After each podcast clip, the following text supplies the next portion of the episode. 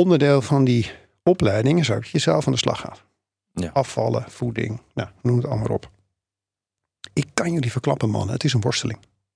En, en, en dan ben ik een, een goed geïnformeerde, hoogopgeleide, Ja. gemotiveerde, gedreven, eh doenerige persoon. Mhm, ja. Dus ik heb er een heleboel dingen mee. Je weet Het in is- principe hoe alles werkt. Het is een worsteling.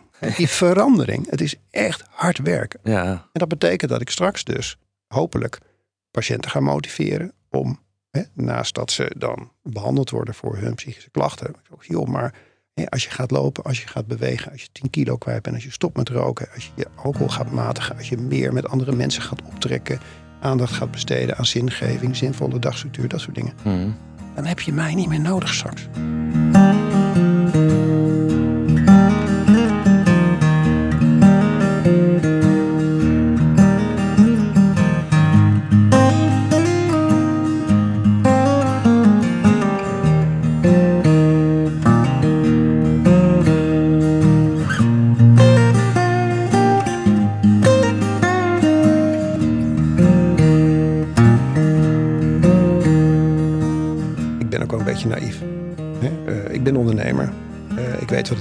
Bedrijf op te zetten. En op het moment dat je een bedrijf op gaat zetten, moet je gewoon veel geld uitgeven aan marketing, reclame. Je moet een goede strategie hebben. En op het moment dat je met, eh, met 15 enthousiaste artsen gaat zeggen: wij gaan even een politieke partij beginnen. Je vergeet hè, dat je daarvoor toch wel een paar miljoen nodig hebt aan marketing en reclame. Om echt binnen te komen. Natuurlijk. Ja, ja. We hebben toen in die tijd een lobbyist gesproken. Die zei: "Ah, hou eens op, man. Een zetel in de Tweede Kamer kost 9 ton. Dat weet je toch wel? Nee, dat wist ik niet. Ja, dat goed, het kost een goed idee, dacht jij. Toch? Ja, lekker bezig. Weet Ja, een goede idee. eh, Goeie. Ja.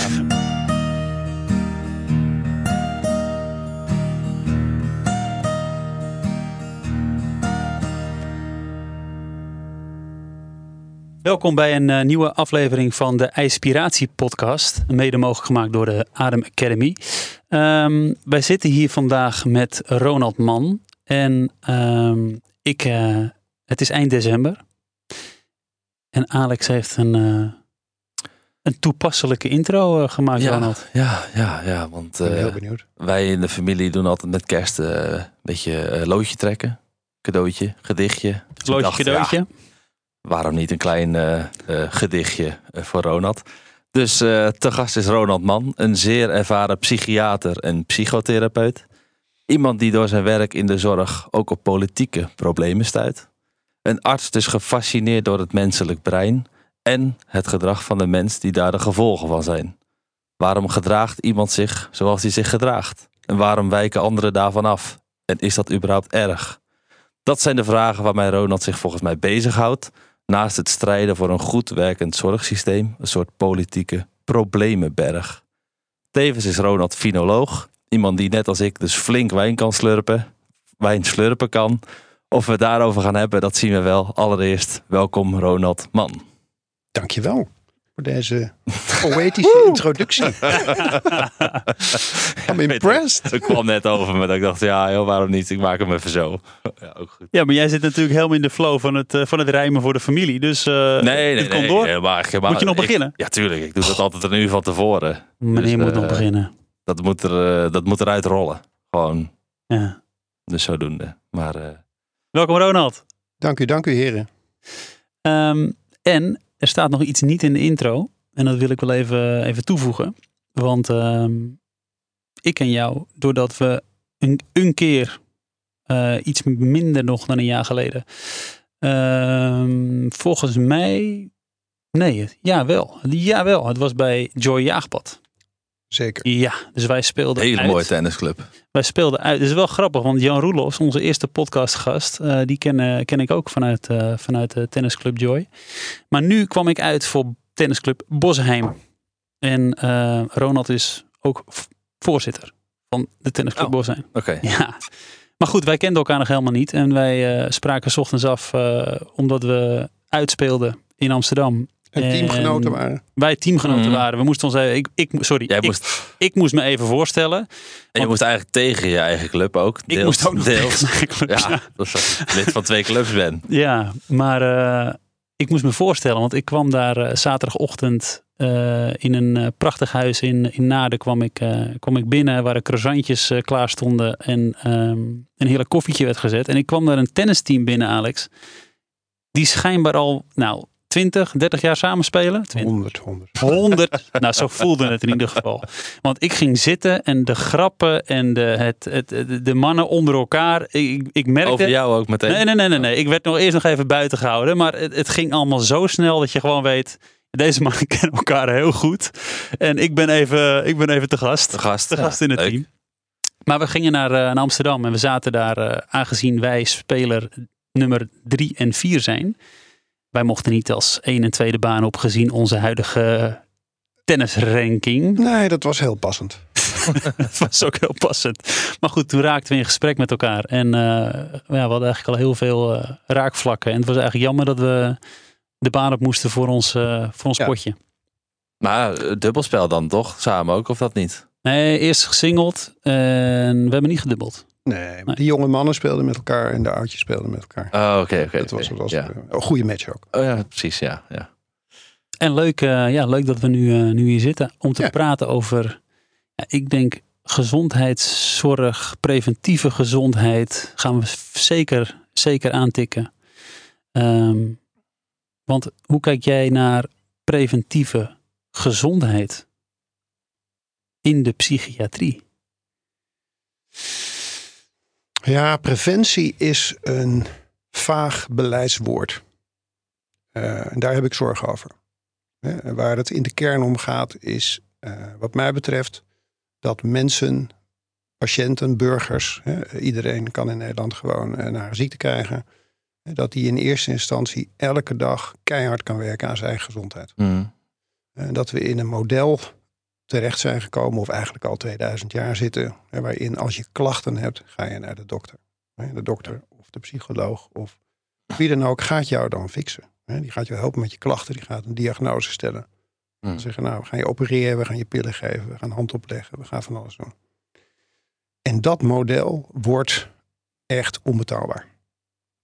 Omdat op het moment dat je bij de hulpverlener aankomt, ben je natuurlijk al, sta je met 6-0 achter. Ja, gaat pas heen als je eigenlijk als je het allemaal zelf niet meer weet. Ja. En wat je ziet, en, en, en ik ben ook helemaal voor kostenbeperking en doelmatigheid en al die andere dingen. hè, Maar we hebben het nu zo ingericht hè, dat de huisarts hè, als poortwachter van de zorg, hè, die heeft vijf, zes minuten. Hè, moet dan een diagnose stellen, moet het documenteren, moet de behandeling instellen. En dan ga je weer naar huis met of zonder recept, met of zonder een doorverwijzing, et cetera. Ja, maar aan het eind van de rit hè, word je als mens vaak niet gezien. Hè, en we zijn meer dan een zak met organen. En onze gezondheidszorg is nu ingericht alsof je een zak met Mm. organen bent. Je gaat naar de poortwachter, die zegt lever, hoppakee, naar de leverarts. Mhm. Hart, naar de cardioloog. Nou, als psychiater ehm, ja, hebben wij maar één orgaan eigenlijk. Hè? Dat zijn de hersens, officieel. Ja. Maar goed, die hersens die ontvangen allemaal signalen vanuit andere organen. En hè, wij behandelen mensen en geen organen. De hersenen sturen die andere organen ook aan. Nou ja, overal zitten zenuwen in. Nou, dus het, het zenuwstelsel, eh, het komt allemaal eh, terecht tussen je oren. Ja, ja, ja, die uitspraak eh, die kennen we maar al te goed van onze vader ook. eh. Als psychiater krijg ik natuurlijk wel eens mensen doorverwezen van, ik noem maar wat, de neuroloog, de cardioloog, die heeft dan gekeken, die vindt niks. Of in ieder geval, die vindt wel iets. Die zegt, oh, nou, je hebt veel klachten, maar hè, ik heb gelukkig niks gezien op de MRI. Gaan we naar de psychiater. Nou, komen ze dus bij mij en zeggen ze, ja, de cardioloog zegt dat het tussen mijn oren zit. Ik zeg, nou, goed nieuws. Hij heeft gelijk. Is ook zo. hè. Is mijn handel. Ja, ja, precies. Uh, ik ben toch niet gek? Nee, dat, dat, dat is absoluut niet waar. We gaan kijken van hoe hè, jouw zenuwstelsel nou precies hè, in verhouding staat tot wie je bent. En Mhm. eh, hoe dat soms kan leiden tot ja, wat knoopjes in het systeem. Hè, laten we eens gaan kijken hoe we die knoopjes kunnen ontwarren. Mhm. Maar goed, het goede nieuws, hè, dat blijkt steeds meer uit allerlei eh, onderzoeken, is dat eh, voeding, eh, stress, eh, zingeving, eh, nou ja, beweging, eh, sociaal bezig zijn met andere mensen, enorm veel positieve invloed kan hebben op je gezondheid. Maar we, we leven in een maatschappij waar al die factoren bedreigd zijn. Mhm. Maar op je gezondheid, en dat is dan, eh, eh, zeg maar, ja, ik denk, ik was gisteren even gezellig met twee maten vieren dat iemand promotie had gemaakt. Dat heeft dan op mijn gezondheid In welke zin bijvoorbeeld eh, is dat positief? Niet op mijn maag, denk ik bijvoorbeeld. Of op mijn eh, darmen, bij wijze van. Maar op de, op, de, op de hersenen misschien wel. Nou ja, je hebt het al over je maat. Je zit daar met een aantal mensen, dus je hebt daar met elkaar heel gezellig. Mhm. En Dat, dat maakt allerlei stofjes in je, in, je, in je brein los en in je lichaam, waardoor je op je gemak voelt. Mhm. Dat is heel positief. Tegelijkertijd drink je misschien wel iets te veel alcohol. Nou, was niet te veel. Was, eh, was ook sinds tijden weer, eh, weer wat. Maar eh, Nou. was gewoon wel gezellig, ja. ja. Deze keer dan niet misschien. Ja. Maar eh, eh, als jonge man hè, zit je wel eens een keer met andere jonge mannen of met Zeker. oudere mannen bij elkaar. En dan is alcohol een belangrijk thema. Ja. Ik, ik ben finoloog, ik weet waar het over gaat. Hè, Tegelijkertijd weet je dat alcohol eh, niet gezond is. Mhm. We praten daar niet zo hard over. Iedereen zegt, ja, het is niet goed, het is niet goed. het is niet goed. Het is een gezellige podcast. Ik zal niet een hele lijst opnoemen van dingen hè, die je ervan kan krijgen. Mhm. Dus dat zijn tegenstrijdige belangen. Hè, maar op het moment dat je echt serieus ziek wordt, hè, of een chronische ziekte krijgt, eh, je hart, eh, suikerziekte, eh, reuma, dat soort ellendige dingen. En dan opeens blijkt ja, dat dat te maken heeft met je gewicht Mhm. met je voeding, met je beweegpatroon, de manier waarop je met spanning omgaat, de bevrediging die je hebt in relaties en op je werk. Hey, dan wordt het opeens een heel complex plaatje. Mhm. Nou, dat is ook goed nieuws, want er zijn heel veel factoren die je zelf kunt beïnvloeden. En dat maakt het eigenlijk ook heel interessant. Mhm. Nou, die kant van de zaak, hè, dus dat je als burger, patiënt, mens enorm veel positieve invloed kan uitoefenen op je gezondheid. Daar is onze gezondheid niet op ingericht. De gezondheidszorg bedoel je? Of Nou, de gezondheidszorg, maar ook de maatschappij. Dus op het moment dat je, nou, misschien e- even tussen haakjes. Ik ben zelf eh, eh, momenteel een opleiding tot lifestyle coach. Hè, dus, dus dat zijn eh, negen dagen dat je uitleg krijgt over al die dingen die ik net noemde. Onderdeel van die opleiding is ook dat je zelf aan de slag gaat. Ja. Afvallen, voeding, nou, noem het allemaal op. Ik kan jullie verklappen, man, het is een worsteling. En, en, en dan ben ik een, een goed geïnformeerde, hoogopgeleide, Ja. gemotiveerde, gedreven, eh doenerige persoon. Mhm. Ja. Dus ik heb een heleboel dingen mee. Je weet het in is- principe hoe alles werkt. Het is een worsteling. Die verandering, het is echt hard werken. Ja. En dat betekent dat ik straks dus hopelijk patiënten ga motiveren om, hè, naast dat ze dan behandeld worden voor hun psychische klachten. ik zeg, Joh, maar hè, als je gaat lopen, als je gaat bewegen, als je 10 kilo kwijt bent, als je stopt met roken, als je je alcohol gaat matigen, als je meer met andere mensen gaat optrekken, aandacht gaat besteden aan zingeving, zinvolle dagstructuur, dat soort dingen. Mhm. Dan heb je mij niet meer nodig straks. En waar, waar, loop je dan, waar loop je dan nu tegenaan, Ronald? Want eh, je zegt het, hè, je, hebt, je hebt eigenlijk alles. Als je kijkt naar eh, risicofactoren voor eh, een ongezonde leefstijl, Ja. heb je heel veel mee om gezond te zijn. Ja. En als je dan zo in een opleiding zit en je krijgt, eh, misschien ik- heb je een opdracht meegekregen en je gaat zelf aan de slag. De maatschappij is er niet op ingericht. En waar loop jij tegenaan? Eh, voeding. Dus, dus loop een willekeurige supermarkt binnen. Ik zal geen namen noemen, want de een is niet slechter dan de ander. Maar eh, kijk op het pakje. Toegevoegde suikers, Mhm. toegevoegd zout, eh 26 E-nummers. Dat is gewoon heel erg slecht voor je gezondheid. Mhm, Daar krijg je op termijn suikerziekte van. mhm, Daar word je dik van. Daar krijg je meer honger van. En ehm, roken. 20.000 doden per jaar. Mhm. gevolg van roken. Ja. Geen wetgeving. We hebben de, de slechtste wetgeving van heel Europa. Dus onze overheid neemt geen beslissingen. Dat heeft met lobby te maken. Dat heeft met invloed van grote, grote de voedingsindustrie, de tabaksindustrie, et Mhm. cetera, et cetera. Dus we begrijpen allemaal hoe het werkt. Maar het was geen verkiezingsthema. Niemand Nee. praat erover. Terwijl dat de nummer één manier is om invloed te uitoefenen op gezondheid van de burgers. Hè? En tegelijkertijd ja, maken we ons zorgen over toenemende zorgkosten. Feit. Mhm. Maar we lopen steeds achter de feiten aan. En als je, als je kijkt naar, naar iemand die bij jou binnenkomt, ehm, die dus eigenlijk 6-0, om maar even in ten- tennistermen te blijven, eerste set verloren heeft. Mhm. Ehm, Die komt binnen en eh, jij gaat ermee in gesprek. Neem je dan, is het, ik, heb, ik weet niet hoe dat gaat. Ehm, is het gebruikelijk dat een, een psychiater dan verder kijkt dan, eh, dan alleen maar de klacht? Eh, kijk je naar, hey, in wat voor omgeving woon je? In uit wat voor gezin kom je? Ehm, hoe is je lifestyle? Hoe is je leefstijl? Zijn dat dingen die normaal gesproken worden meegenomen? Of is dat, iets, is dat een nieuwe trend? Ik schaam me bijna om het hier te vertellen, Chris. Maar ik ben dat nu eigenlijk een beetje aan het ontdekken. Ik Hmm. ben 61. Ik Hmm. ben een eh, ervaren psychiater, volgens de introductie. Zeker. Ehm, En de introductie klopt.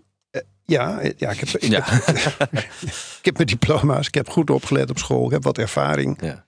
Hè, maar het is toch wel... Ja, ik vind het, ik vind het wel... eh, ja, toch ook schaamtevol. Ik denk, verdikke me. Ik, ben, ik zit nou heel erg lang in het vak. Dat ik eigenlijk pas de laatste jaren... eh, hè, me echt verdiep in de invloed van lifestyle op gezondheid in het algemeen. Ik spreek natuurlijk ook eh, in het ziekenhuis veel collega's, medisch specialisten, niet psychiaters. Mhm. Ik probeer dat onderwerp lifestyle ook eh, nou ja, ter sprake te brengen. En dan spreek je toch ook ja, cardiologen bijvoorbeeld, die de hele dag bezig zijn met hè, de gevolgen van overgewicht, Mhm. de aderverkalking, eh, noem maar op. Die allemaal mooie dottertjes aan het zetten zijn, steentjes aan het maken, omleggingen produceren. En die dan ook bij zichzelf af van ja, ja, lifestyle, daar moeten we eens wat mee. Hè, dus het, het gaat niet alleen over waar ik tegenaan loop als psychiater, maar ik denk dat we in de zorg, hè, we praten veel over hè, preventie, het woord waar je mee, eh, mee aftrapt. Eh, de verzekeraar praten we over. Hè, er wordt regelmatig over geschreven. Mhm. Maar het begint natuurlijk gewoon bij de mensen zelf. En de- Ja. Sorry dat ik onderbreek. En als je kijkt naar, eh, je zegt, ik schaam me er misschien een beetje voor dat ik, dat, dat ik dit moet bekennen.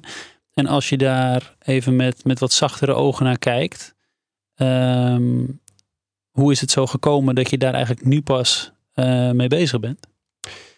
het zit niet in de opleiding. Hmm. Het zit gewoon helemaal niet in de opleiding. In ieder geval niet de opleiding die, die ik heb eh, gevolgd. Mhm. En dat is natuurlijk eh, een tijdje geleden. Eh, mijn dochter is inmiddels ook arts in een opleiding tot psychiater.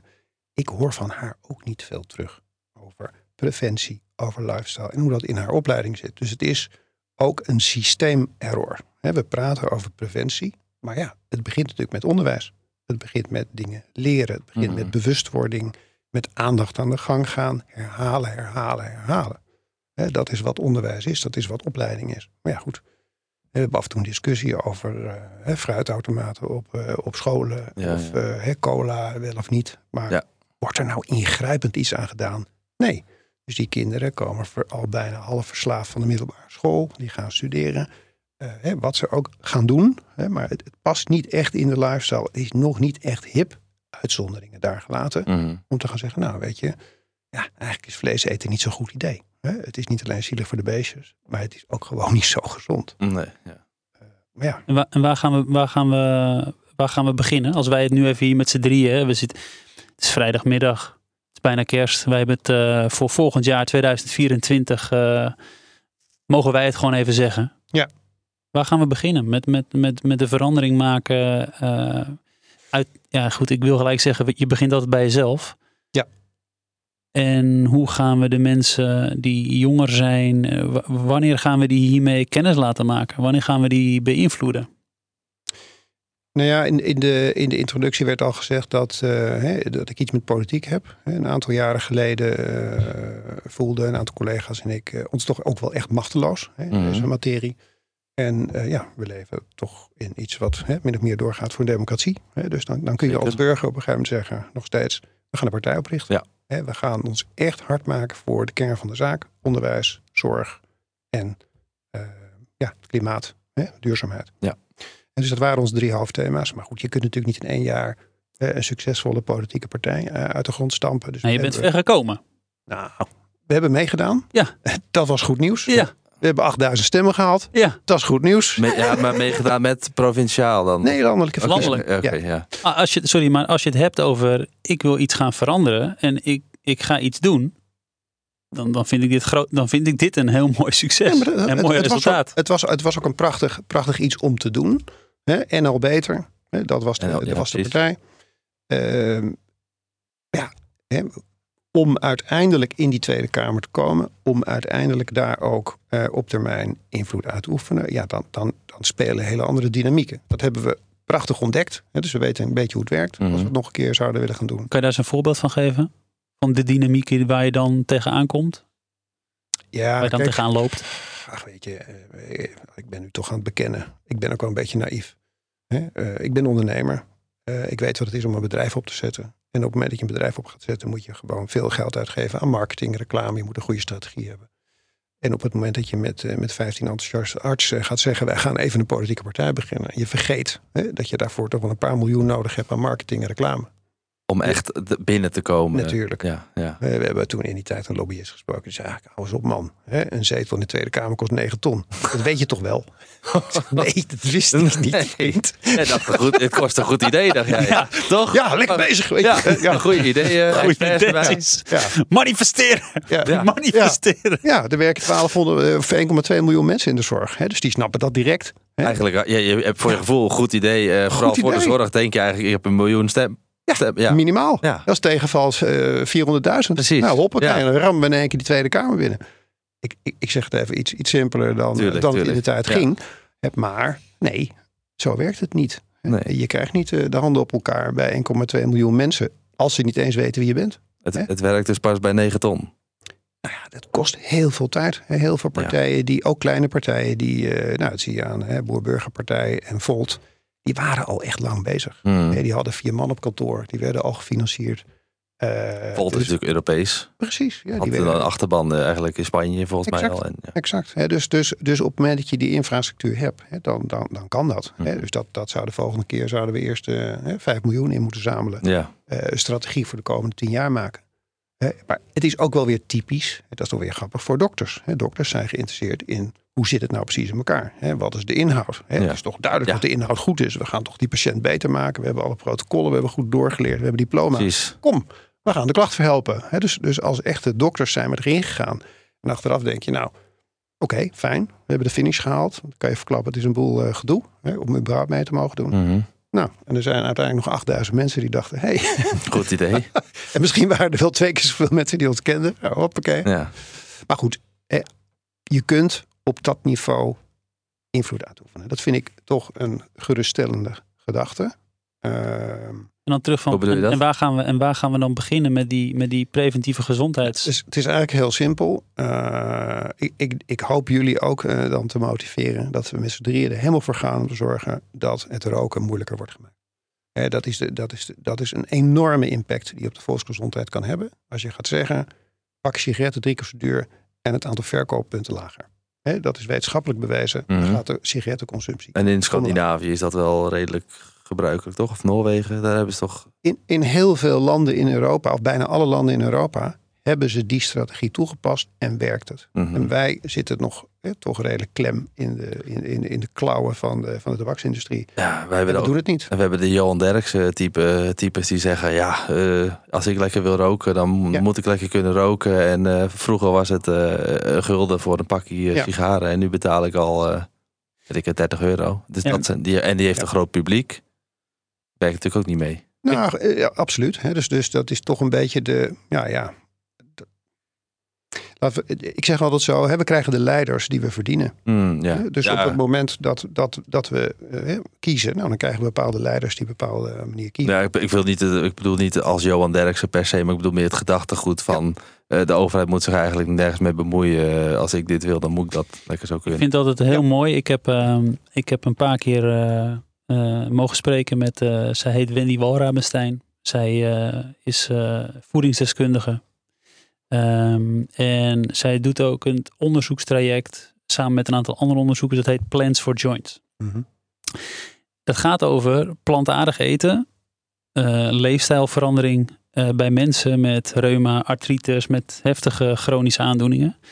En zij laten zien dat door een gezond leefstijlprogramma, dat dat impact heeft op een verbetering van de gezondheid. Dus niet per se de medicatie, maar gewoon de lifestyle veranderen Hmm. heeft al een gigantische impact. En ik kom hierop omdat zij laat ook in haar presentaties vaak zien dat er zijn eh, risicofactoren van een ongezond leven. Daar hoort roken bij, daar hoort drinken bij, daar hoort te veel eten bij. Nou, we kennen het allemaal wel. En de opmerking die, die Alex net maakt over. Maar ja, er zijn mensen die zeggen van ja, maar kom niet aan mijn, eh, aan mijn sigaartje. Want eh, dat zijn nou net eh, de dingen die het leven nog een beetje leuk maken. Uit diezelfde onderzoeken blijken dat als het gaat over een lage kwaliteit van leven. dan hebben diezelfde zaken daar impact op.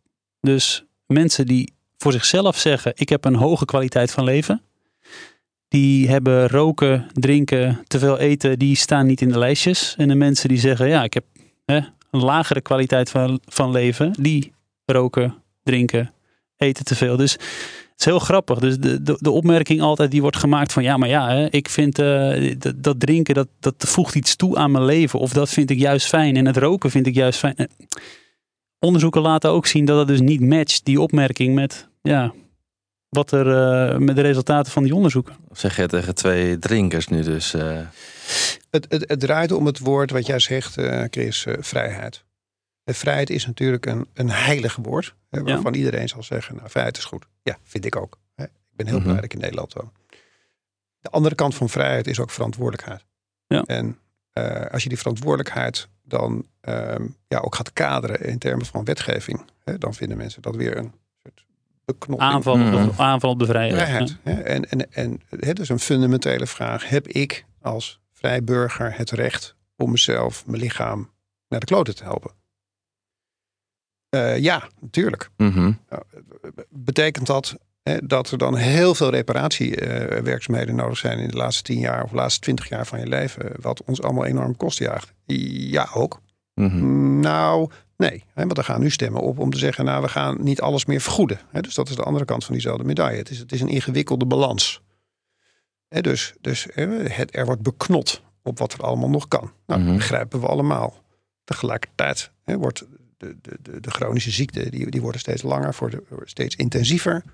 En we kunnen zo eenvoudig iets veranderen door mensen te helpen om hun voeding, hun stressniveau, hun keuzes, nou goed, al die andere dingen.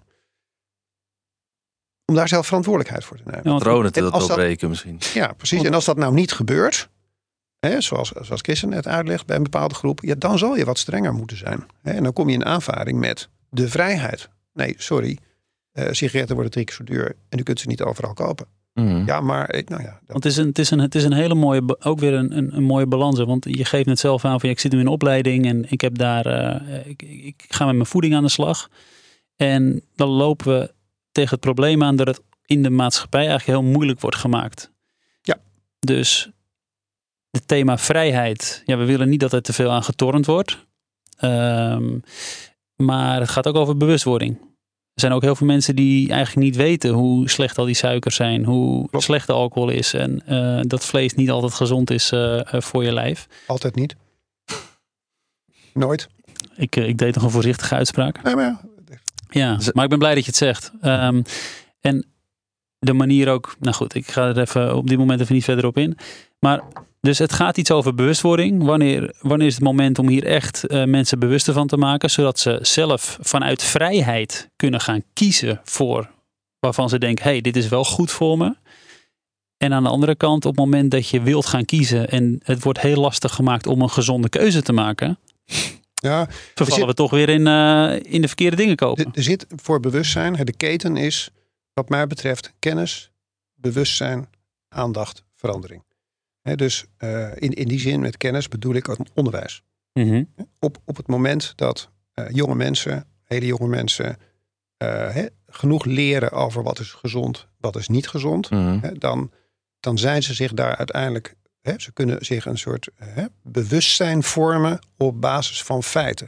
Op het moment dat ze geen feiten hebben, nou, dan worden ze ja, door de omstandigheden, door wat er in de winkel ligt, do- door wat de vriendjes en vriendinnetjes doen, worden ze geleid. Je ziet ook heel vaak dat, dat kinderen die in een gezond gezin opgroeien, hè, waar eh, gezond wordt gegeten, waar bepaalde gewoontes zijn, hè, dat die zich staande kunnen houden tegen hun peers en niet mee gaan doen met Mhm. eh, de magnums en eh, sigaretten, noem het allemaal op. Dus dat begint al heel vroeg. Dat heeft met opvoeding te maken. Dat heeft met, ja, hè, hoe, met hoeveel kennis stap je de vijandige wereld Ja. in, hè, waarvan Een soort allerlei handvatten eh, handvatten, ja, precies. Ja. En dan heb je dat bewustzijn, draag je ook met je mee. Dan kun je van daaruit ook hè, eh, goed het gesprek aan Mhm. met mensen die het niet met je eens zijn. En, en keuzes maken. Hè? En op het moment dat je een keus maakt, een gezonde keus, en je zegt, nou ja, dat, dat wil ik graag doen, Mhm. dan moet je het nog gaan uitvoeren. Hè? Wat ik nu aan de lijve merk. Ik wil een verandering gaan doen. Ik weet waarom ik het doe. Ik ben me ervan bewust. En nu moet ik met aandacht moet ik dat gaan doen. En dan moet het ook nog heel hard insluiten. Het is best een harde weg. Ja, Het is ook een harde ja. weg en het is niet makkelijk. Nee. Echt niet makkelijk. Hey, en en ehm, eh, over opleiding gesproken. eh, in de psychiatrie. Is dat iets wat, eh, wat je ook eh, in een mooie uh, retraite-achtige omgeving wil- misschien wil gaan toevoegen in de toekomst? Ja, Oh, zit je Ja. nou weer bij het balletje op te gooien? ja die Ik man, ben die man een voorzetje aan voorkennis. het Ja, dat is onge- dit is, ik kreeg als kritiek, eh, het is toevallig gisteren, eh, ja, Chris doet het eh, wel heel goed. En eh, alleen heel af en toe heb ik het idee dat hij soms een balletje wel erg mooi eh, voorgeeft. eh. maar ik zeg, ja, dat Ja. hoort er ook een beetje bij af en toe. Dit is gewoon een schone Ja, heel goed, heel goed. Ja, ja. nou, kijk, die, die verandering. hè, Dat is best een, een langzaam, eh, eh, of, of, of een vermoeiend proces, zal ik maar zeggen. Waarbij herhaling belangrijk is. En eh, hè, een van de dingen, ehm, nou ja, waar ik me de komende jaren ook meer op wil gaan richten, is onderwijs hè, en bijscholing. Eh, met name eh, voor collega's en zorgmedewerkers. Hè, wij moeten ons gewoon eh, herregistreren. We moeten geaccrediteerde opleidingen doen. Nou, die volg ik natuurlijk ook. Maar af en toe denk ik bij mezelf, nou, hè, hebben we weer dat onderwerp, weer dat op. Hè, laten we eens een keer buiten de gepaande paden iets Mhm. gaan doen. Hè, laten we wat meer aandacht geven aan andere onderwerpen dan de geëikte onderwerpen. Dus het is eh, in ieder geval mijn, eh, mijn voornemen om komende jaren ook eh, onderwijs te gaan organiseren. Ja, niet per se allemaal zelf doen. Dus geaccrediteerde bijscholingen over wat leukere onderwerpen dan de traditionele onderwerpen. Maar dat te combineren met lifestyle. Dus veel opleidingsweken zijn op leuke plekken. Overigens gewoon door de mensen zelf betaald. Dat de Mm. luisteraars niet denken van dat de farmaceut het allemaal betaalt. Dat mag allemaal niet meer. Dus je betaalt zelf voor je onderwijs. Je gaat dan bijscholen. Maar toch wordt daar vaak een leuke plek voor gekozen. Mm. Nou, en dan heb je dus ochtends onderwijs. Allemaal heel netjes. En als middags dan ga je leuke dingen doen. Ja. Mijn idee zou zijn om gewoon een goede bijscholing te doen. En dan smiddags met elkaar aandacht te gaan besteden aan lifestyle. Hè, dus dat je die bijscholing combineert met, nou ja, weer kennis, bewustzijn, aandacht voor het lichaam, voor verandering. Nou, dat betekent dat, dat je dan ook een paar dagen bij elkaar moet zitten. Hè, dus dat je ook aandacht voor elkaar hebt, met elkaar gaat zitten. Ja. Eh, ja, en ook over andere dingen praat dan het werk. Hè, van hoe, hoe pak je dat nou aan en hoe ga jij om met je, met je gezondheid en hè, de stress op je werk. Hè, want het is, eh, het is best, best een zwaar vak, medisch specialist.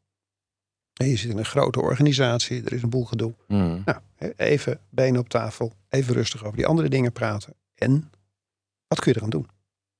En dan kom je al vrij snel in de hoek van, van de stressreductie. Eh, nou ja, ademtherapie, hè, waar Chris natuurlijk eh, druk mee is. Ja, ja. Eh, de ijsbaden. op een hele andere manier naar gezondheid kijken. Je voeding, fitness, bewegen. En dat met elkaar doen.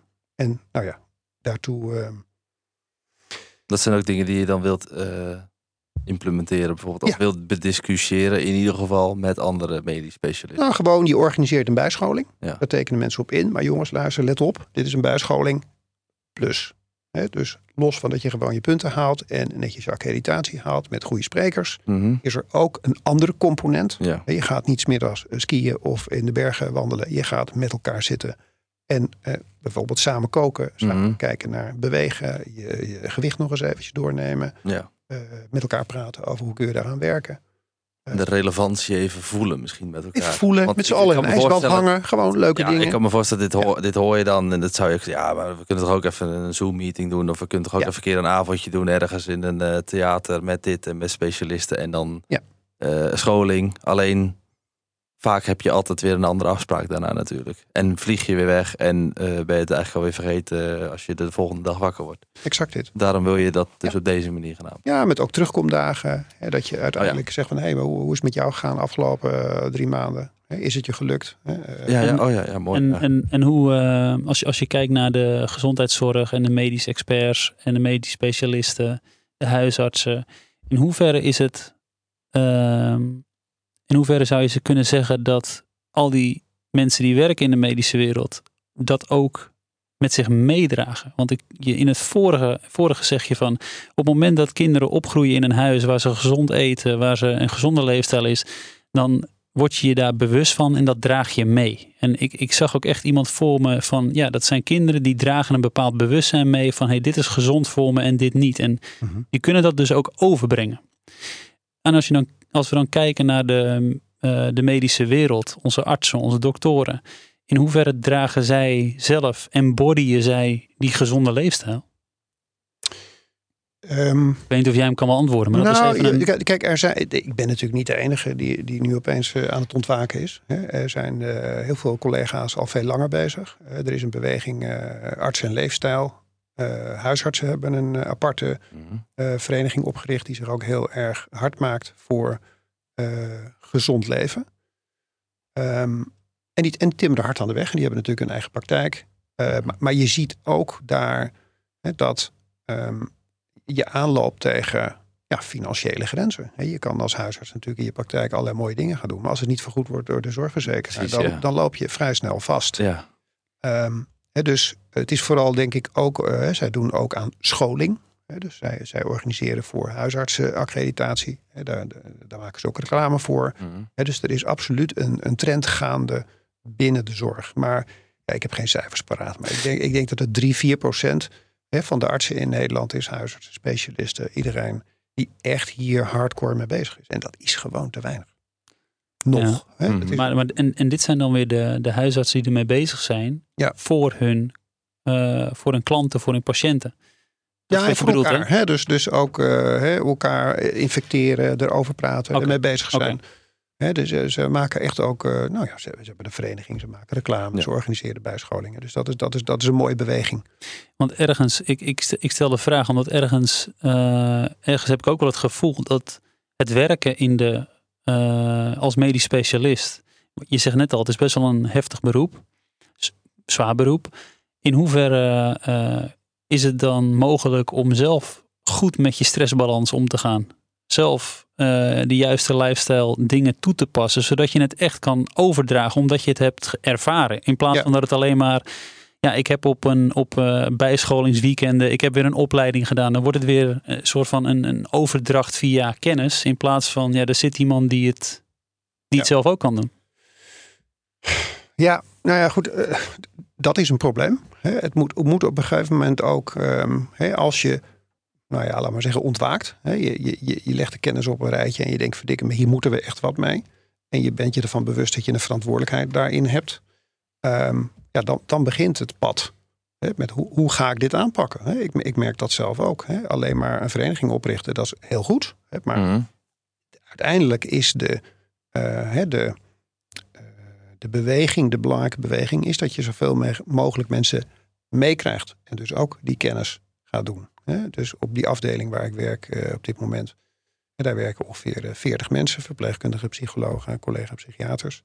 En met een collega psycholoog samen eh, doen wij dus die lifestyle eh, opleiding. Ja, daar gaan we dus ook uitdragen. Hè? Dat, die boodschap gaan we herhalen. Hè? En bij ons op de afdeling is daar wel een soort gezonde voedingsbodem voor. Maar goed, er zijn nog steeds verpleegkundigen die roken. Ja, dan is het wel een beetje ingewikkeld om tegen de patiënt te zeggen: joh, zou je niet eens, zullen we een beetje beter gaan eten en zo? Ja, maar hey, eh, Stoppen met roken. Ja. Terwijl, ik kom zo bij je terug, want ik ga even buiten roken. Het- Dit is dus, dus ik, ik zal heel blij zijn als we hè, over, over een jaar op de afdeling iedereen ook eh, onderdeel wordt van die cursus. Dat wij het weer Ja. kunnen gaan uitdragen, dat je een verandering ziet. En dat we ook op een gegeven moment met z'n allen met overtuiging kunnen zeggen eh, tegen iedereen die aan de voordeur komt van nou weet u, we willen u heel graag helpen. Maar hè, we hebben ook een voorprogramma. Eh, we willen ook eens heel goed kijken naar uw gezondheid. Omdat het zo ontzettend fijn is om ook zelf te werken. Ja, dus ja, je- ja, precies. We willen u heel graag helpen, maar daar hebben we u ook bij nodig. Dat is misschien meer. Nou ja, kijk, weet je, eh, ik ben een dokter, hè, dus ik schrijf graag pillen voor. Eh, maar ja, die pillen maken je niet helemaal beter. Hè. Die, die ondersteunen een ander proces. Hè, we doen pillen, we doen praten. Soms alleen praten, soms alleen pillen. Maar het is aan het eind van de rit niet 100% van de behandeling. Nee. Dus eh, hoe mooi zou het zijn als u aan de hele behandeling 45% kan bijdragen. En ik doe nog even 30 met die pillen. Ja, En nog een paar gesprekjes, 20. Ja. Nou, dan zijn we toch een heel eind. En dan kunt u na afloop zeggen: Ik heb het zelf gedaan. dit zijn... Het is het allerleukste wat er bestaat tegen de patiënt. Hè, die dan zegt, nou, ik voel me een stuk beter. Zeg, En dat heb je zelf gedaan. Precies, dit is, eh, ik, ik voel het nu al. Als ik bij jou dan op een gesprek zou zijn of zo en je vertelt het zo. Je bent 45% eh, eh, deel van de oplossing, soort van. En inderdaad, schets, eh, we geven ook dit en we doen ook dat.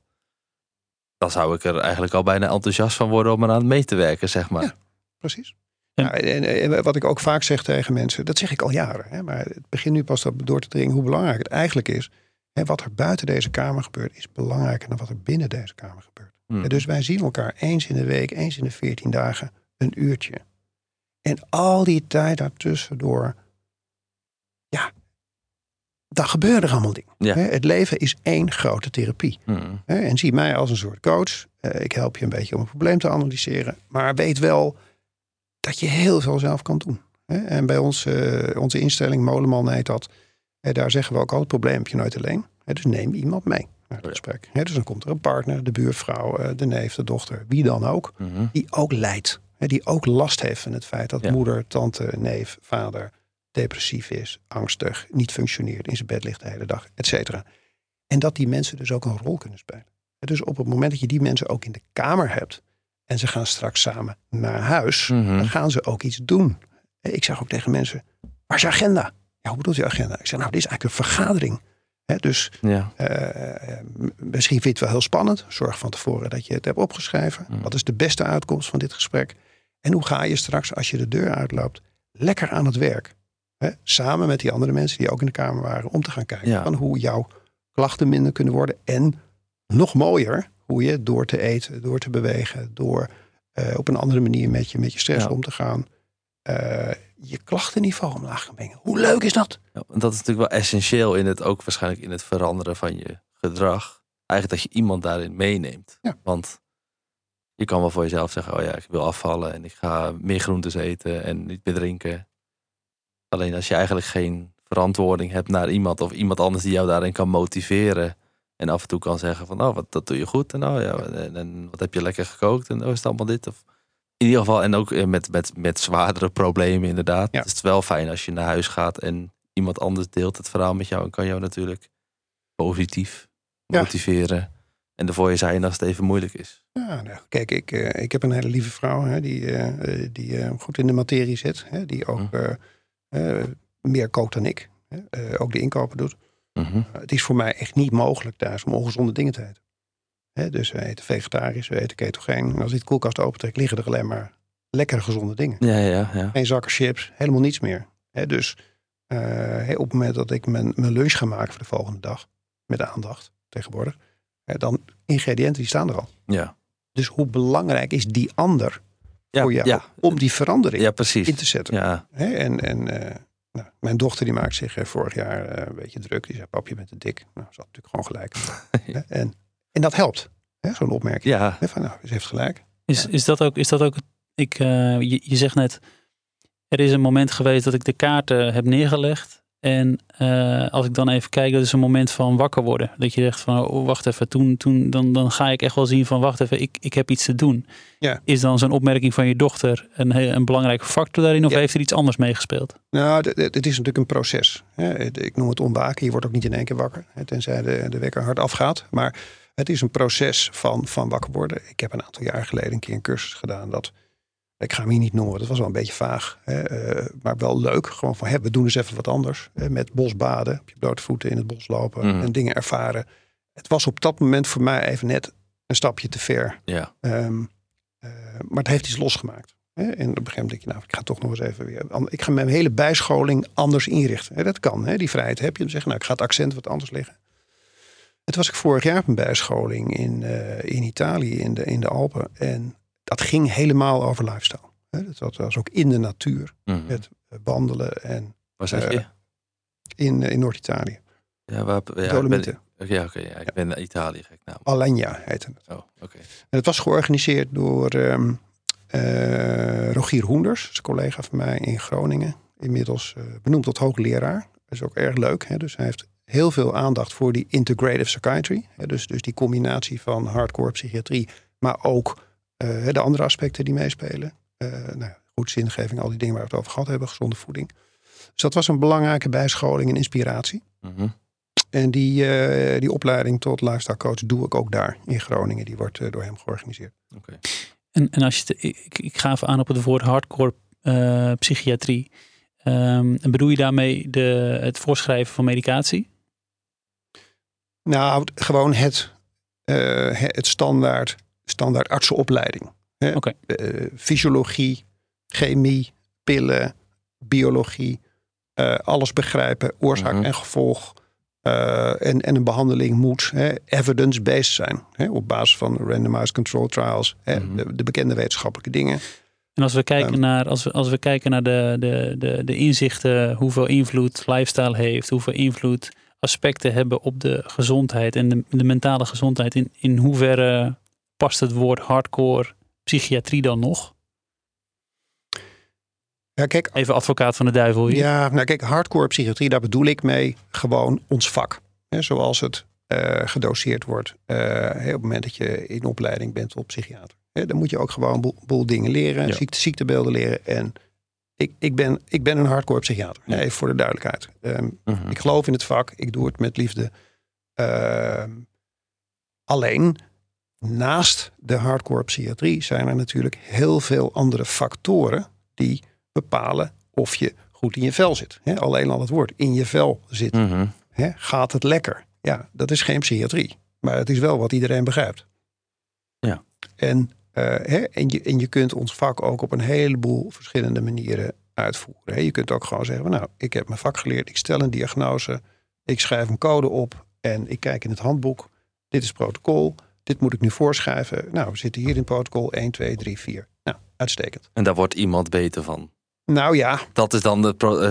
eh, als het goed is, de uitkomst. Daar wordt iemand in ieder geval iets beter van. dat is best practice. Ja. En daarvan zegt de zorgverzekeraar, nou, eh, als je, als je dus protocollen doet en zorgprogramma's en al die andere mooie dingen. En je bent HKZ gecertificeerd en eh, je springt door die hoepel, je springt door die hoepel. En het instituut zegt dat en dat instituut zegt dat. Nou, dan ben je echt fantastisch Goed bezig. bezig. ja. Goed bezig. Ja. Nou, eh, maar dat is toch ook soms wel een beetje eh kind badwater. Hè, want wij In het zitten badwater. in Ik badwater. wist het. Het is lekker als broers, weet je. Ik, ik had voor de, voordat we de uitzending begonnen, Alex, had jij echt allerlei, allerlei termen waarvan, eh, waarvan ik dacht, waar heb jij het allemaal over? En ik, en ik, wist, ik wist ergens met deze, met deze uitspraak dat je, hem, dat je hem niet zou hebben. Dat vind ik wel weer leuk. Kind badwater. Kind ken het badwater. Ik zou zeggen, zoek hem op. We, we gaan even door. Oké, ja, mag ook. Ja. Maar ik denk toch, dat, ja, ja, als, het, als het geen eh, eh, key eh, begrip is, dan kunnen we gewoon doorgaan. Ja.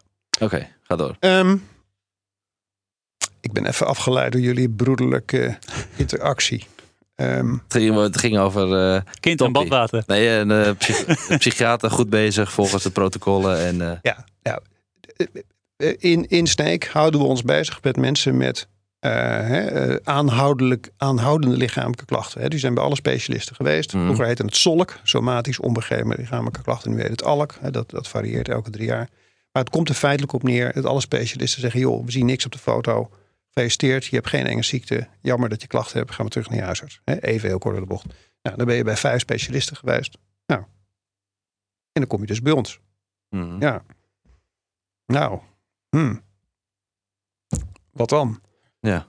Ehm, en, en dan ga ik niet alle foto's nog een keer overdoen. En dit zijn, dit Ik- zijn de mensen die, die zeggen, er wordt tegen me gezegd, het zit tussen mijn oren.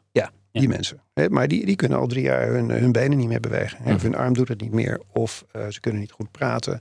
Ehm logopedist zegt, ja, niks aan de hand. MRI-scan is prima. Neuroloog is, eh, is gerust. Maar ze hebben wel die klachten, ze functioneren niet. Hè, Het gaat echt niet goed met ze. En al heel lang. Ze werken niet. Ze hebben natuurlijk in hun systeem, in de familie, allerlei eh, gevolgen hiervan. Ehm, ja, dan, ga je, dan kan je dus niks met je protocol. Hè, want die mensen zijn goed behandeld door de neuroloog en de cardioloog. Die hebben allemaal netjes een protocol behandeld. En eh, nou, dan zitten ze voor je neus. En dan eh, denk je, ja, verdorie. Hmm. Wat voor diagnose hebben we weer? Nou ja, misschien wel drie. Hè, want die mensen hebben toch heel vaak een, een serieus probleem met hun spanningsregulatie. Hè, dus eh, ze raken verkrampt. Hun spieren raken verkrampt. Of andere lichaamsdelen eh, functioneren niet meer zo goed. Dus dan ga je eerst aan de slag met die, ja, die spanning. Mhm. Ja, hoe doe je dat? Nou ja, er komt ook een fysiotherapeut bij. Hè? Eh, Maar stel je nou voor dat, dat, dat ze een- ook nog een depressie hebben. staat er in het protocol depressie dat je de fysiotherapeut erbij moet halen. Nee. Nee. Nou, wij zeggen nou, wacht even. Spanning is wel echt een heel serieus probleem. Dus we gaan dagstructuur aanbrengen. We gaan de fysiotherapeut erbij halen. We gaan met de familie praten. Ja, dat staat allemaal niet in het protocol. Eh, en we gaan geen pillen. Nou, sterker nog, we gaan stoppen met die pillen. Hè, want ondertussen hebben die mensen ook wel heel veel medicatie gekregen. Met de beste bedoelingen, volgens Precies. het protocol. Maar, maar ze hebben We ook wel... een beetje murf geslagen door pillen op een gegeven moment. Dus, dus dat gaan we eens even rustig, rustig afbouwen. Dus we gaan een heleboel dingen doen die niet strikt in een protocol staan. Waarom niet? Nou, omdat er geen protocol mens is. Hè, er is protocol angststoornis, proto- protocol persoonlijkheidsstoornis, protocol trauma.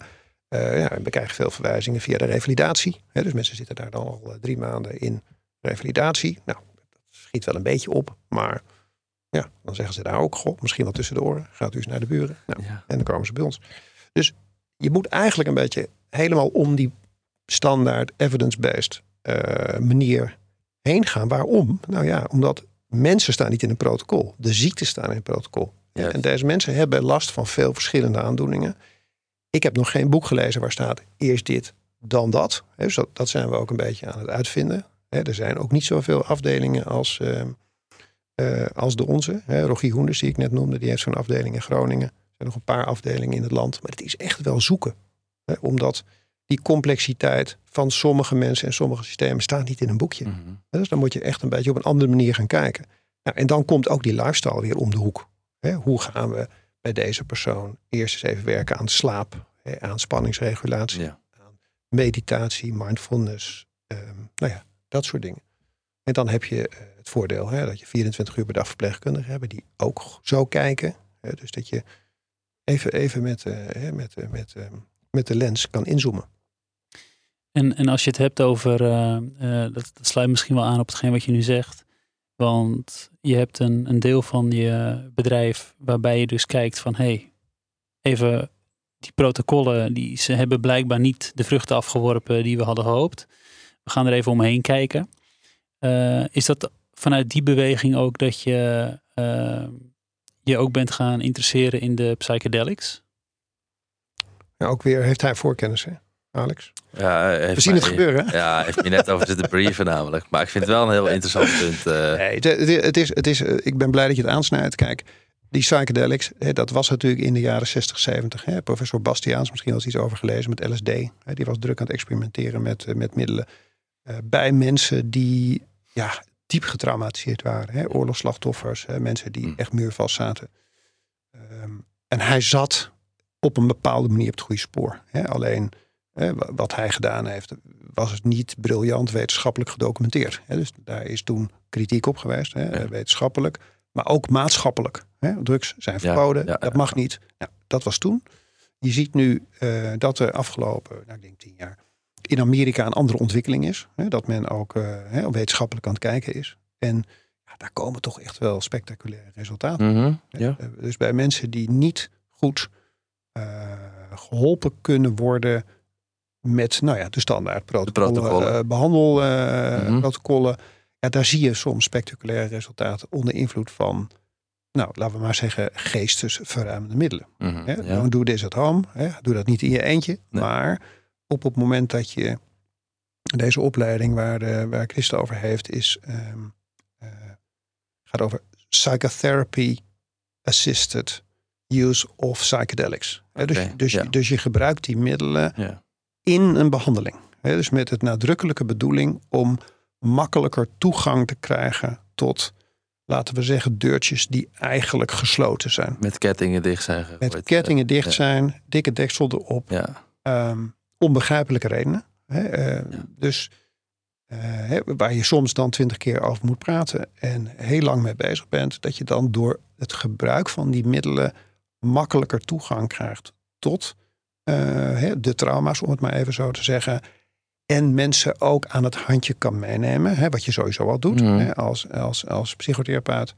Eh, En dat hele proces kan dan wat versnellen. precies. Want het is natuurlijk wel, jij hebt natuurlijk de kennis van medicijnen en de werking van alle stoffen. Eh, eh, jij, jij schrijft ze voort. Jij Ja. weet als geen ander, zou ik willen zeggen. Dus, dus wat het doet met een lichaam. En dus ook ongetwijfeld waarom eh, bepaalde, ja, ik noem het dan drugs, psychedelics, eh, verboden zijn.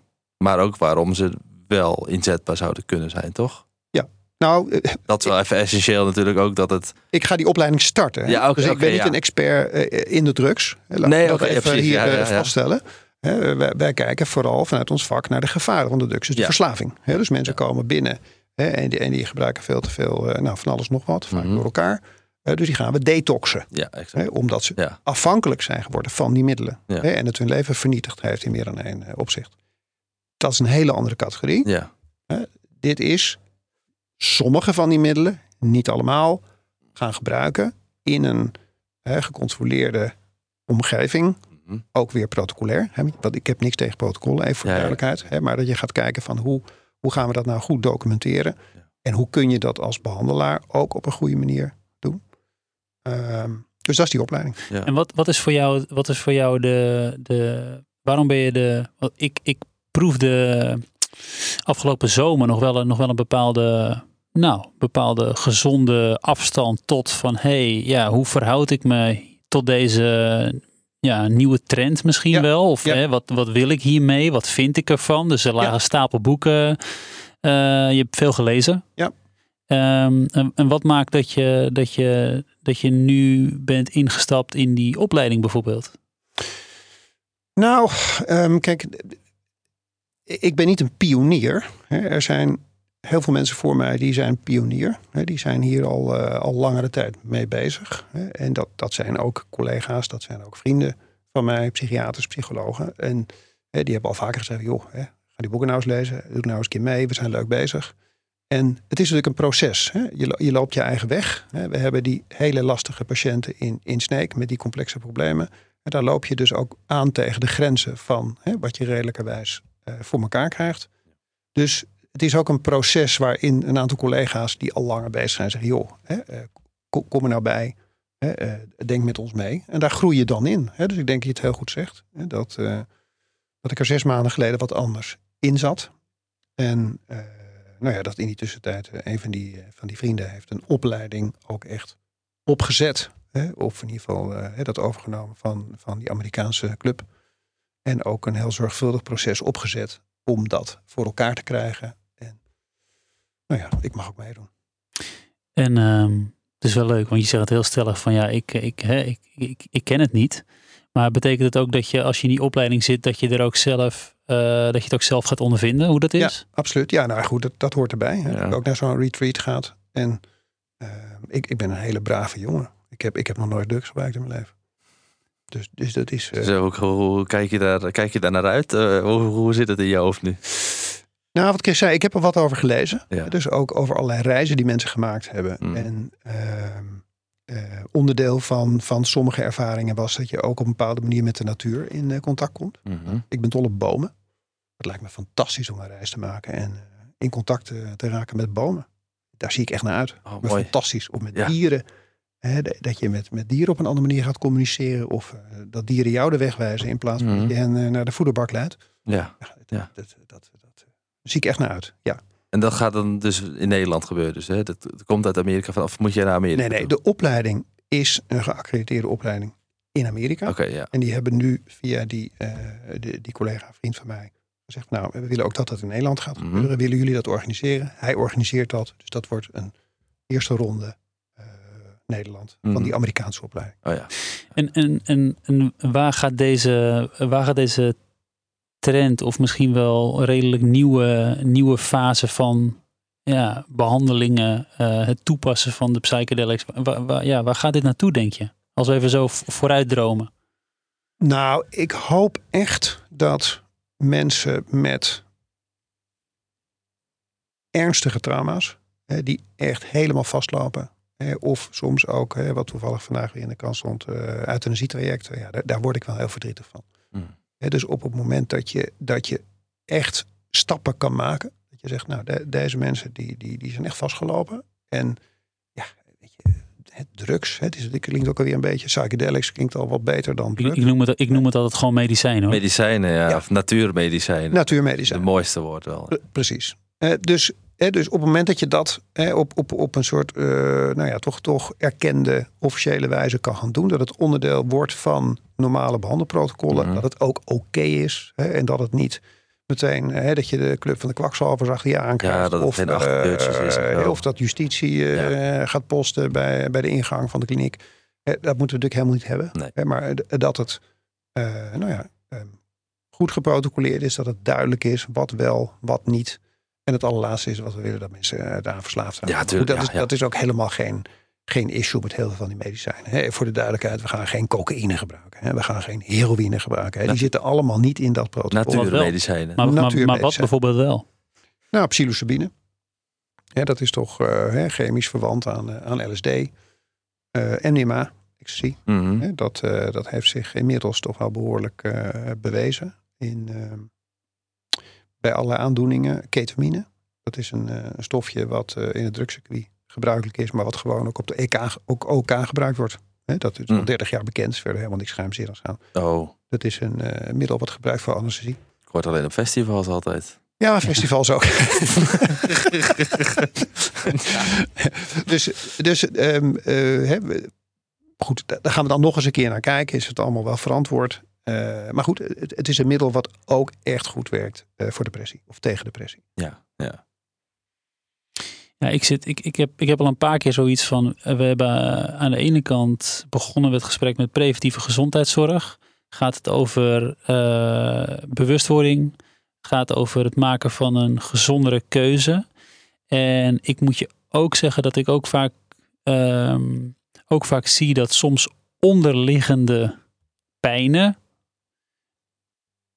het heel lastig maken om die gezonde keuzes te maken. En ehm, dat, zijn vaak, dat zijn vaak stukken waar, waar mensen even liever niet naartoe gaan. Of liever niet naartoe reizen, om het zo maar even te zeggen. Ja.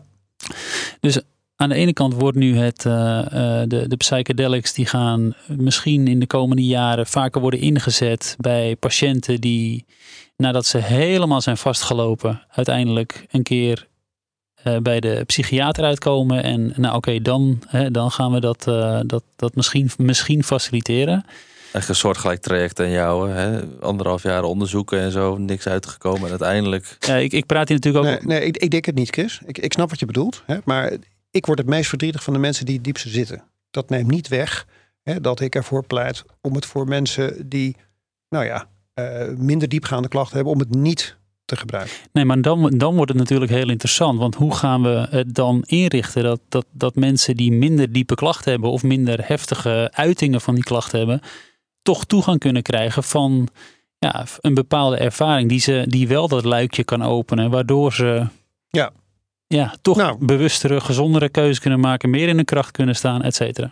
Go- Goeie vraag. Ja. Ik heb geen antwoord. Eh, ik, ik ga er niet over. Eh, aan het eind van de rit, op het moment dat je bepaalde behandelingen wil inpassen in een bestaand protocol, hè, daar gaat gewoon tijd overheen. Mhm. Eh, hè, behandeling met ketamine tegen depressie, dat is nu eh, legaal verkrijgbaar. Hè, dus er is een farmaceut die dat maakt. Ja, voor veel te veel geld, wat mij betreft. Hè, terwijl dat stofje eh, twee dubbeltjes kost per liter. Hè, wordt dat nu in de Dat is verpakking jammer. hè. Daar bepaal ik Ja. dan gelijk weer van. Dat ik denk, ja, Ja, goed, dat, dat is wat het is. Ja. Hè? Maar het is in ieder geval zo dat er erkenning is voor het feit dat die stof iets kan doen tegen depressie.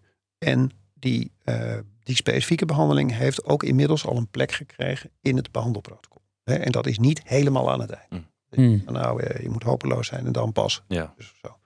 Hè, En, en, en, en daar gaat de tijd overheen. Daar zijn krachten voor, daar zijn krachten tegen. Hè, En dat, hè, daarom zal je toch uiteindelijk eh, hè, ook met bewijs, met evidence moeten komen van hè, dat dit soort middelen, lifestyle, eh, hè, de wat meer alternatieve dingen, hè, dat die ook eh, hun, hun merites hebben bewezen. Hè? Want anders kan elke figuur op de hoek zeggen van, nou ja, weet je, hier heb je drugs, Ja. ga je ding doen. Nee, dit is juist drugs gebruiken in een gewone behandeling. Dus Mhm. je hebt sneller toegang, je kunt hopelijk snellere behandelingen doen eh, voor, voor die trauma's. Of voor depressie of voor andere indicaties. Dus het is uiteindelijk ook Ja. gericht op doelmatigheid, sneller de mensen van hun klachten afhelpen. Maar daar is ook altijd een, een tegenkracht en voorzichtig en oh, het is nieuw. En nou ja, je refereert eh, hè, dat je zei, ja, in de zomer was je nog enigszins gereserveerd. Ja, klopt. Ik heb, ik heb ook een reisje gemaakt. Alvast. Mhm. hè, op, op weg ja. naar de volgende reis. Naar de volgende reis op weg. Ja, ja. Ik ben benieuwd hoe dat eh, zal zijn Ik- eh, ik- voor je. Ik zat net al te denken, leuk om, eh, om Roland nog een keer uit te nodigen Ja. naar, de, naar de opleiding. De, de vervolgpodcast. Ja. Ja, Ja. ja, ja, ja. ja. lijkt me leuk. Dat, dat lijkt me zeker leuk. En dit is natuurlijk ook allemaal dus een gesprek niet om te zeggen van nou zit het even tegen, probeer wat medicijn, natuurmedicijn, eh, wie weet is beter. Het gaat echt om patiënten inderdaad in het traject. En eh, Ja, ik, en kijk, ik, dit, dit is natuurlijk ook een onderwerp dat gaat mij, het gaat mij ook aan mijn hart. Want ehm, eh, ik heb het zelf ook mogen ondervinden hoe het voor, hoe het, hoe het voor mij een enorm positief eh, effect heeft gehad. Ehm, waar de, ja, de, de, protocollen mij niet hielpen. Dit pad, dit kwam op mijn pad eh, terecht. En, en dit, heeft me, dit heeft me wel veel gebracht. Ehm, maar ik kan je ja, ik kan ook wel zeggen dat dit niet even iets is om eh, inderdaad zelf eh, in de huistuin en keuken eh, omgeving. Oh, laten we dat eens een avondje proberen. Of laten we eens eh, hiermee aan de slag gaan. Ik ben ook, ik gebruik geen, eh, geen drugs op. eh, eh, ik heb dat vroeger nooit gedaan. Ik ben pas veel later dat ik dacht van hé, hey, eh, blijkbaar eh, kan dit ook werken eh, voor, een, eh, voor gezondheid. Dus ik ben het op andere manieren gaan inzetten dan de ja, dan op feestjes en, eh, en Ja. dat soort dingen. Maar je, hebt in een van de eerdere podcasts die ik gehoord heb, ik dacht de tweede of de derde, heb je ook jouw mentor uitgenodigd. Mhm. Dus, dus de- jouw reis die jij gemaakt hebt met je eigen ziekte, die heb je niet in je eentje gelopen. Mm. Hè, daar, heb je, daar heb je wel degelijk, eh, nou, ik noem het maar even mentoren of nestoren of eh, hè, shamanen, net hoe je het noemen wil. Maar je hebt toch een aantal mensen met je meegehad. En of, of dat nou eh, een medisch specialist is of een shamaan of iemand die het gewoon heel erg goed eh, met je voor heeft of zijn eigen reis heeft gemaakt. Je hebt het niet in je eentje gedaan. Mhm. Dus, en, dit is, en dit is een essentieel punt. Dit is een essentieel punt wat je aanstipt. Want eh, op het moment dat je, dat je, dit, dat je dit gaat doen. en je doet het in een omgeving waarbij. Ik hoor wel eens vaker hè, van. Oh, nou gaan we met een avondje met vrienden. gaan we dit gewoon allemaal doen. Maar dan betekent dat er niet iemand is die gewoon de begeleiding. Die in de begeleiding zit. en ook niet alleen maar in de begeleiding zit. maar ook ervaren is in het begeleiden van dit soort Mhm. reizen. En de, een nodige rugzak heeft aan kennis. en dat allemaal meebrengt. Als dat er niet is. Ja, dan heb ik een paar reizen gemaakt. die, eh, die anders misschien nog wel eh, meer eh, traumatiserend zouden kunnen zijn. toegedaan, Ja. dan dat het helend was geweest. Dit, dit is de andere kant van de vrijheid waar we het eerder over hadden. Er zijn allerlei mogelijkheden in Nederland om van alles te gebruiken. Mm. Daar zitten risico's aan vast. En tegelijkertijd, hè, als het eh, nou ja, goed begeleid wordt en we hebben meer kennis daarvan. We, we geven de ruimte om die kennis verder te ontwikkelen en te onderzoeken. Ja, dan, dan, dan hebben we enorm veel mogelijkheden om, om de zorg verder te ontwikkelen. Maar Ik las, eh, ik, las, eh, ik las nog een mooi boek van, eh, van Pieter, eh, Pieter Levine. En volgens mij staat het in een boek ook eh, De Tijger Ontwaakt. Dat gaat vaak over de, de, de angst- en eh, im- immobiliteitscyclus. Mhm. Dus een cyclus waar je terecht komt, dat is vaak zo'n zo'n traumapool. Waar je, waar je eigenlijk maar in blijft draaien. Waar geen uitgang blijkt te zijn. Nou, ik denk op het moment dat je, eh, dat je aan de psychedelics gaat en je komt ergens in contact met een heel pijnlijk stuk in jezelf. ehm, en daarvoor is geen adequate begeleiding bij. Dan denk ik dat die, die, die cirkel waar je in blijft hangen, daar ga je nog steeds moeilijk een uitgang vinden. Mm. Of er is begeleiding bij en dan kan Ja. het een heel helend proces zijn. absoluut. Maar misschien, even, ik ben natuurlijk hier niet de host. Hè, eh, maar misschien mag ik toch een beetje sturen nog in het onderwerp. Zeker. Want we blijven een beetje op die psychedelics, hè, wat natuurlijk belangrijk is. Maar ehm, er zijn natuurlijk nog veel meer manieren hè, om, om diep te gaan hè, of om eh, een omweg te maken. Hè. En hè, je bent zelf met je Adem Academy bezig. Ik heb ook een keer eh, aanwezig mogen zijn en deel mogen nemen. En dat is ook een hele krachtige manier Hmm. om aan de gang te gaan. Hè? En ook meditatie. Mensen weten dat gewoon niet. Mm. Ik ben zelf ook een nieuweling op het gebied van de meditatie. En wat heb je ervaren toen? Bij Chris bijvoorbeeld? Bij, met het ademen? Nou, het was helaas maar één sessie. Hè? Dus ik moet nog een keer terug naar Chris. Ja, ik ook nog wel drie keer. keer. Ik ook nog, ja, ja. Maar er gebeurt iets met je lichaam waarvan je denkt... hé, hey, dit, dit gebeurt normaal niet. Dit, dit vind ik wel echt een leuke ervaring. Mm. Hè? En eh, ik, ik geloof niet dat ik helemaal eh, eh, nou ja, doorgedrongen ben tot het, de totale ontspanning. Ja. Maar ik voelde dat het een machtig instrument was. wat iets met mijn lichaam deed. Mm. Waarvan- En, en ik voelde me na afloop ook heel prettig en ontspannen. Dus ik denk, hé, hey, dat, is, dat is al erg interessant. Ja. Hè, dit moet ik vaker doen. Hier moet ik in oefenen. Eh, en op het moment dat ik daar meer in ga oefenen, krijg ik er ook meer controle in.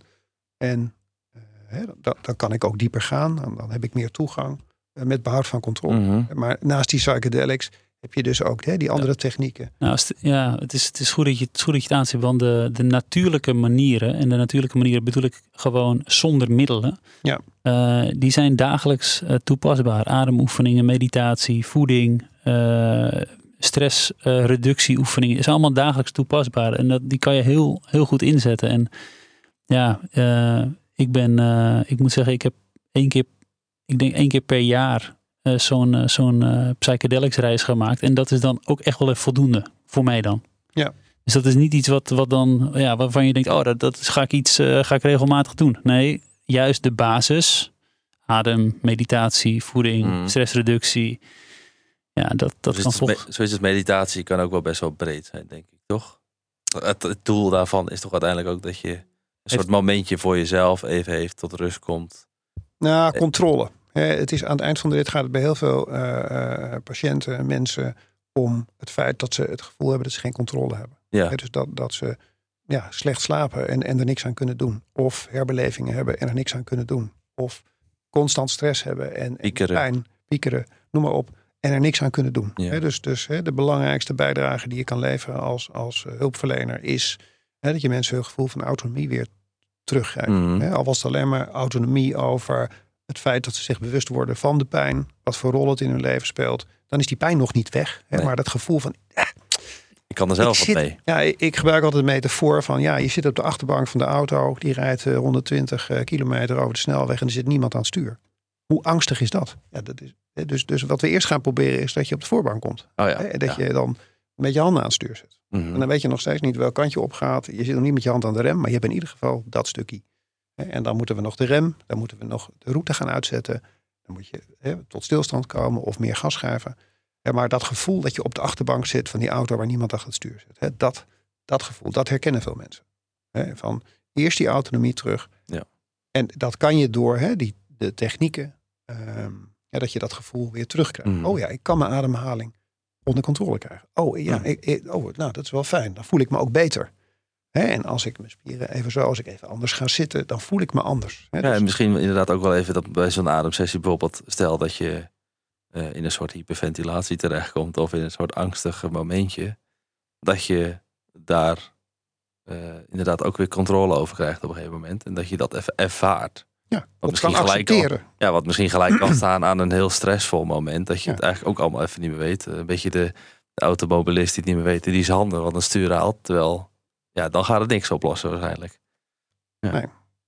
Nee, absoluut. Hè, maar die, je, je zou eigenlijk moeten naar een soort eh, buffetmodel. Hè, dus dat mensen technieken krijgen om in momenten van stress eh, iets te doen met meditatie. Hmm. eh, Ja. hè, dat ze op lange termijn invloed hebben op die voeding. Dat ze dat ook begrijpen, dat ze dat ervaren. Hè, wat, wat je natuurlijk vaak bij sport ziet. Dat als je gesport hebt, hè, stevig gesport hebt, dan voel je dat in je lichaam. Ja. Dus dat is eigenlijk een soort fijne feedback, gevoel, ja. een lekker gevoel. Hè? Spier, Eh, spierpijn. ja, en zo, nou ja, dat. Ik heb, ik heb dit gedaan, het was niet leuk, had eigenlijk geen zin, maar nu voel ik me lekker. Hè, En dat, dat kan je natuurlijk hè, met andere technieken ook doen. Hè, Dat je, oh, nou, dan ga ik eens even lekker koud douchen. En afloop voel ik me Ja. helemaal herborgen. Ik doe dan het liefst denk ik... Klein glimlachje. ik doe dan het Klein liefst denk, ik glimlachje. doe het liefst denk ik dan een siestaatje en dan sta ik er ook wel... eh, Ja, nou ja, dan. Ronald, eh, mis ik, missen, missen we nog dingen? Hebben we nog, hebben we nog dingen niet besproken die eh, op het puntje van de tong liggen? Ik- Ik denk dat we in een goede flow eh, terecht zijn gekomen, mannen. we moeten doorgaan dus. We moeten door... Flow vasthouden, hè? Nee, maar ik denk dat we de belangrijke onderwerpen wel eh, hebben, hebben, hebben behandeld, toch eigenlijk? Hmm. De dingen die ons eh, aan het hart gaan. Autonomie, verschillende manieren van invloed uitdoen of, op, of oefenen op je eigen gezondheid. Mhm. Hè, en, en, en de gespannen verhouding met, eh, met, met het traditionele zorgsysteem. Mhm. Dat er nog een heleboel werk te doen is. Maar het goede nieuws is, ja, mens, burger, patiënt, je kunt heel veel zelf doen. Ja. En iemand meenemen daarin, ook handig. Super belangrijk. Ja. Probleem heb je nooit alleen. Dat is eh, Oh, ja. een statement van Ja. onze organisatie. ja, mooi. Ik, eh, ik wil je bedanken. En, Jullie ook eh, bedankt. Graag Leuk gedaan. gesprek. Heel fijn dat je, dat je hier naartoe wilde komen voor de opname. Ja. En ehm, misschien wel leuk om, om nog even toe te voegen. Hoe zit dat nou met het badwater? Ja, ja, ja. Is gewoon leuk om even uit te leggen. Want dan Ja. kunnen we misschien aan het introotje er iets, eh, iets mee doen. Zou kunnen, ja. Het kind met het, met het badwater weggooien. Ja. Bestrijding van een mogelijk nadeel zo overdrijven dat een belangrijk, belangrijke voordeel verloren gaat. Dus noem het nog een keer. Bestrijding van een mogelijk nadeel zo overdrijven dat een belangrijke voordeel verloren gaat. Oké, echt eh, overpiekeren zou ik het misschien Ja. eh, willen, vrij, willen, vrij willen vertalen. Daar heb ik nog een, nog een variant voor. Ja? Eh, operatie geslaagd, patiënt overleden. We hebben alles protocolair tip-top gedaan. Helemaal goed. We Oh. zijn tevreden. We juichen allemaal, alleen de patiënt is dood. Hè, dat is nou vervelend. Hebben we misschien een verkeerde operatie gedaan? Mm. Hebben we misschien niet goed nagedacht over wat is er nou eigenlijk wat deze patiënt nodig heeft? Mhm. Ja. Is dat gebeurd? Dat gebeurt elke dag eh, duizend keer. Ja. Heb je, hebt ze. Dat, dat is de essentie van de zorg die we nu hebben ingericht. We zeggen, weet je wat, u bent ziek, u heeft die klacht en dan is het dit protocol. Ja, maar ik heb ook, nee, nee, we hebben de diagnose gezegd. We weten u heeft al. dit, Ja. hè, u bent deze diagnose-behandelcombinatie. U gaat nu naar dokter Jans en dan gaat u dat doen, dan gaat u dit en dat en dan wordt u vanzelf beter. Ja, maar nou, En wanneer wordt er dan gereflecteerd? Of het juiste gedaan is? Of de juiste protocollen zijn gevolgd? Of dat er zelfs... Nou, kijk, de, de huisarts is natuurlijk bij uitstek de family doctor. Dus Ja. dat, dat is de enorme kracht van de huisarts, dat hij vaak het gezin kent en ook de klachten goed in de context kan plaatsen. Dus de- de- de- ik ben heel blij dat we dat stukje van onze gezondheidszorg. Maar is, goed is, maar hebben. is dit nog zo? Als we vijf, zes minuten per patiënt hebben, dat de huisarts Nee, weet. Het is, het is uitgehold, absoluut. Maar we hebben die traditie nog wel. Ik ben ontzettend een fan van In huisartsen. de provincie misschien wel een stuk meer dan. In Friesland, waar ik nu werk, Ja. is het inderdaad steviger ontwikkeld. En je ziet natuurlijk toch ook wel, ja, als het nog even kan, eh, feminisatie in de zorg. Je ziet heel veel vrouwen die parttime werken. eh, en dus ook gewoon maar drie dagen werken. En als jij alles van al je patiënten wil weten, is best ingewikkeld. Dan moet je gaan overdragen. Eh, en, en dat is niet, niet ten kwade van mensen die parttime werken. Maar je ziet wel hè, dat, het, dat de, totale betrokkenheid met de hele populatie, dat dat, Mhm. dat, dat minder wordt. Ja. Eh, en, en Het is niet de zeg maar, ik, ik denk dat je bedoelt, het is niet de huisarts van vroeger. Eh, wij komen allebei uit een klein dorpje, daar hadden we een huisarts. En ja, die huisarts wist natuurlijk eh, Verhoef, dokter Verhoef. hoe ziet het gezin, of Ja. wie, Ja. wie zijn de gezinsleden, waar wonen ze. Dat Ja. wist de huisarts allemaal. Ja. Maar goed, ga je naar een huisarts in Amsterdam, als eh, je komt als student in Amsterdam wonen, je gaat naar een huisarts want je hebt klachten. Nou, is een totaal andere situatie. het is met enige regelmaat dat ik aan mensen vraag van wie is uw huisarts. Dat zij zeggen, weet ik niet. Ik heb geen... eh, Die, zit die, die mevrouw. Ja, ik had vroeger altijd dokter Jansen, maar die ging met pensioen. En nu heb ik drie verschillende. Ik weet het ook niet precies. Ik ga het liefst naar die, want die mevrouw is altijd aardig. Nou, dat, dat is hem Ja. vaak. Ja, Hè, dus er is iets van Ja. een gevoel, eh, die vertrouw ik, die begrijpt mij. Eh, hè, dus uiteindelijk die, die, die subjectieve factor van hè, de, de behandelrelatie. Mm. Wat extreem belangrijk is. Vertrouw ik deze persoon? Ja, hij heeft vaste diploma's, maar begrijpt hij mij? Mhm. Voel ik me op Mm, mijn ja. gemak? Ja. En dan is zes minuten of zeven minuten. Ik hoop dat de huisarts niet boos om worden. Misschien is het wel acht minuten. hè. Maar in ieder geval hè, relatief eh, weinig tijd Ja. om even iets breder te kijken. En, en het ging over, de vraag ging over het reflecteren op, Mhm. op de protocollen. Je, toen kwam je uit bij de huisarts. Nou ja, de huisarts is het beste geplaatst. Die kent de historie. Die heeft al die brieven ontvangen van het ziekenhuis, van al die specialisten. Die integreert al die informatie. En die maakt een, goede weging van, nou, is dit het moment om door te verwijzen naar de psychiater? Of kan ik beter eerst even dit doen?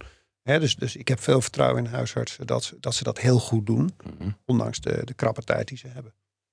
Dus daar, maar ze hebben, vraag elke huisarts, het is keihard werken. Ja. Ze hebben te weinig tijd. Het is, het is toch weer ook. En die administratie, als ik toch nog even een puntje mag maken.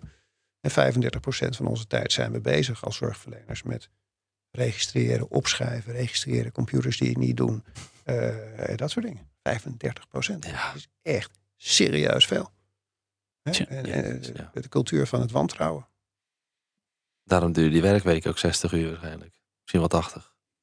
Ja, of hè, mensen gaan gewoon eh, ja, hun, hun- hun- hun tijd beter indelen. Hè, Als jij om, om kwart over drie weg moet om naar de, weet ik veel, de, de BSO te gaan. Ja, dan stop je er gewoon mee. Mhm. Ga je minder patiënten doen. Ja, dan groeien de wachtlijsten. Ja, het, is, het is communicerende vaten. Dankjewel Ronald voor, eh, deze interessante podcast. Voor het mooie gesprek.